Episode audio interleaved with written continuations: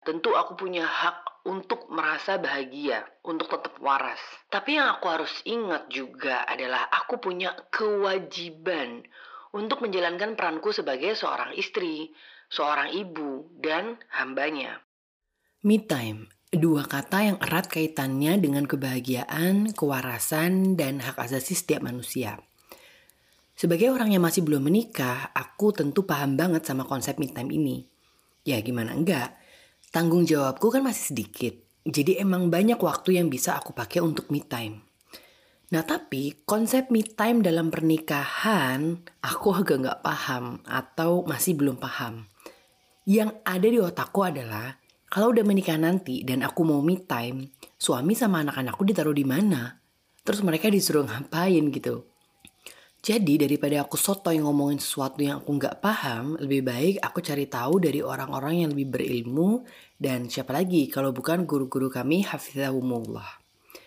Dalam salah satu kajian rumah tangganya, Ustadz Ahmad Tarigan Hafizahullah, beliau bilang bahwa me time seorang suami dan istri dalam rumah tangga itu hukumnya mubah alias dibolehkan. Yang namanya mubah pasti ada syarat penyertanya. Dibolehkan asal. Satu, Istri harus minta izin pada suaminya terlebih dahulu saat akan me time keluar rumah. Tiga syarat selanjutnya ini berlaku untuk suami dan istri ya, yaitu yang kedua, me time-nya bukan merupakan hal-hal yang melanggar syariat. Misalnya pergi ke tempat-tempat yang ada maksiatnya, yang ikhtilat, campur baur antara laki-laki dan perempuan, ya you know lah ya.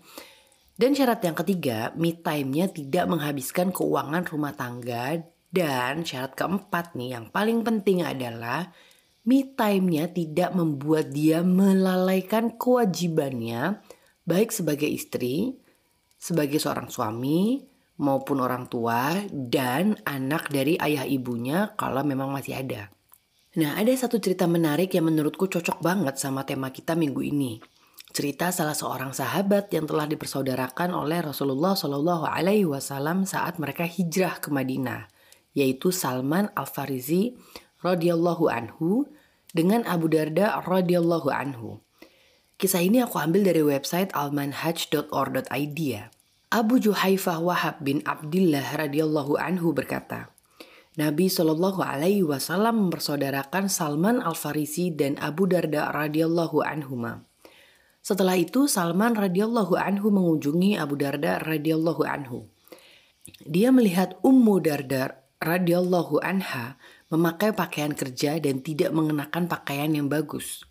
Salman radhiyallahu anhu berkata kepadanya, "Wahai Ummu Darda, kenapa engkau berpakaian seperti itu?"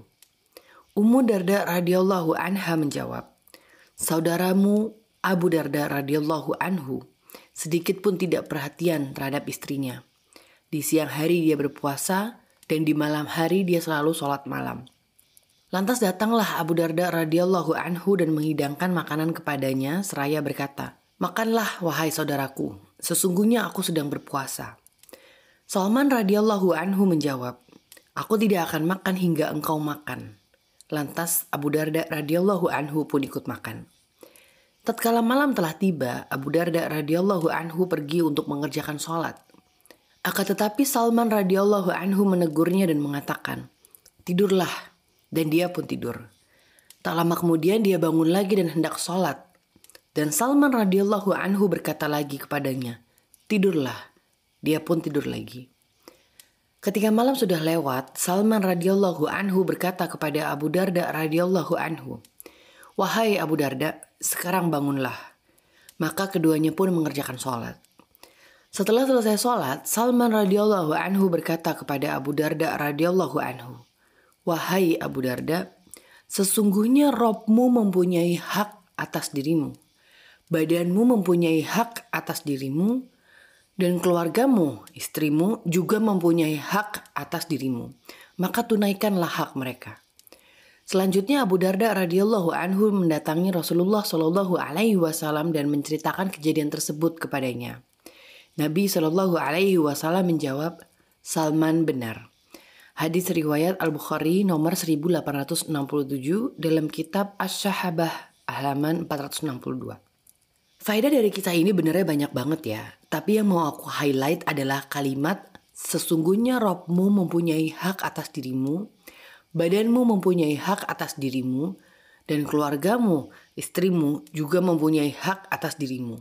Maka tunaikanlah hak mereka. Bisa kita bilang me time versi Abu Darda ini kan sholat dan puasa ya. Yang mana dua hal itu adalah sesuatu yang baik kan. Itu ibadah loh dan pahalanya besar.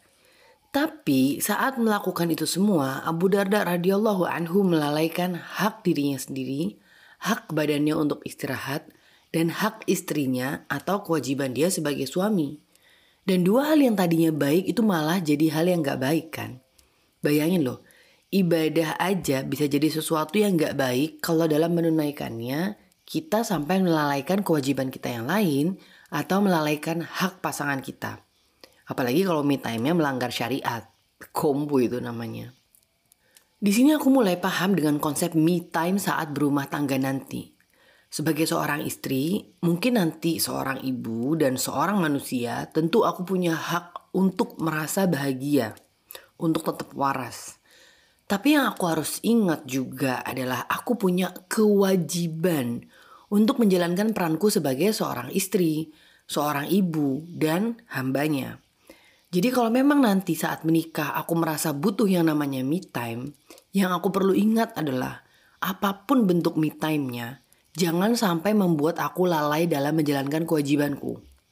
Akan ada waktu-waktu yang bisa aku manfaatkan di rumah saat suami kerja misalnya, dan kami masih belum punya anak.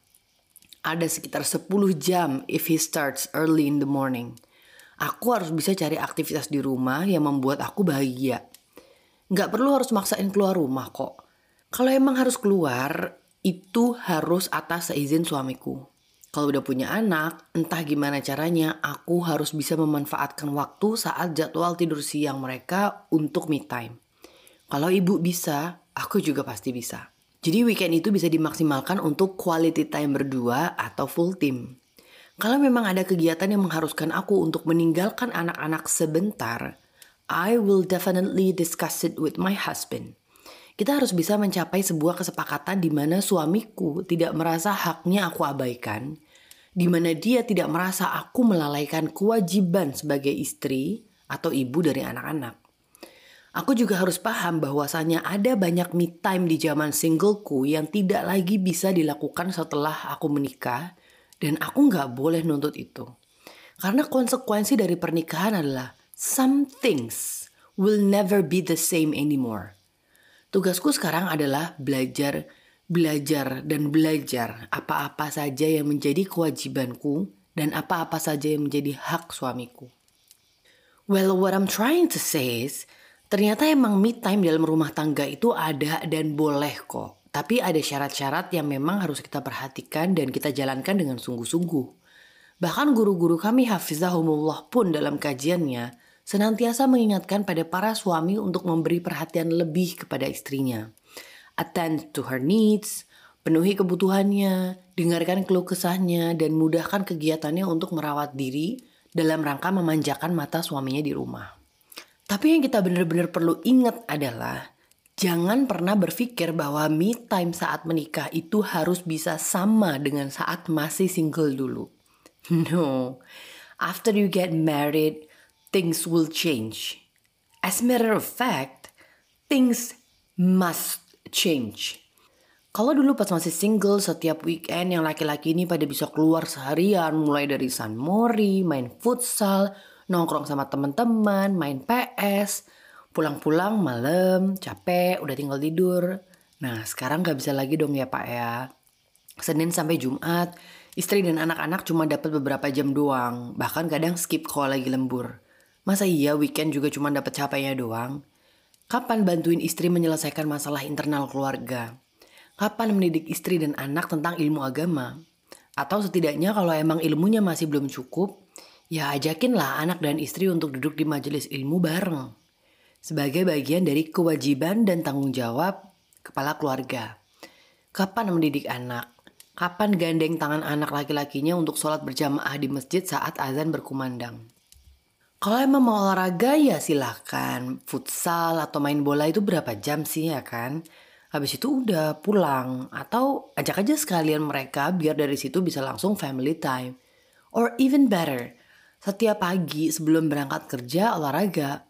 Bisa lari, sepedaan, atau nge-gym gitu. Jadi weekend bisa full untuk keluarga. Kalau dulu pas single setiap weekend atau pulang kantor yang perempuan nih bisa langsung arisan, ketemuan sama besties berjam-jam, atau shopping, lunch-lunch cantik, afternoon tea di mall. Nah sekarang nggak bisa lagi dong ya Bu ya. Apalagi kalau memilih untuk menjadi ibu bekerja. Senin sampai Jumat anak dan suami cuma dapat beberapa jam doang. Masa iya mau diskon lagi pas weekend? Makanya aku respect banget sama teman-teman arisan SD ku yang benar-benar sulit untuk bisa ketemu lengkap. Padahal kita ketemuannya cuma dua bulan sekali. Dan alasan mereka nggak bisa datang itu ya biasa. Lagi nggak diizinin suami atau anak lagi cranky atau anak lagi sakit. Dan mereka oke okay dengan itu. Kalian keren banget lah Masya Allah. Bisa tetap fokus sama prioritas dan konsekuensi dari pilihan hidup yang diambil. Semoga Allah senantiasa mudahkan dan berkahi semua ikhtiar kalian. Buat yang masih single, saat ta'aruf itu penting banget untuk tanya satu hal ini. Saat udah menikah nanti, apakah kamu butuh me time tanpa ada istri atau tanpa ada suami dan anak-anak yang mengganggu? Kalau ada, berapa kali sebulan? Dan berapa jam durasinya? Kalau dari awal kita udah gak serak sama me time dia dan ini tuh gak bisa ditawar sama sekali, harus dilakukan. Ya udah, mending skip aja. Jangan pernah anggap remeh hal ini. Karena hikmah yang bisa kita ambil dari banyaknya kejadian di sekeliling kita sekarang adalah banyak rumah tangga yang goyah hanya karena salah satunya menuntut me time dan pasangannya merasa tidak dipenuhi haknya karena me time tersebut. Allahul Musta'an.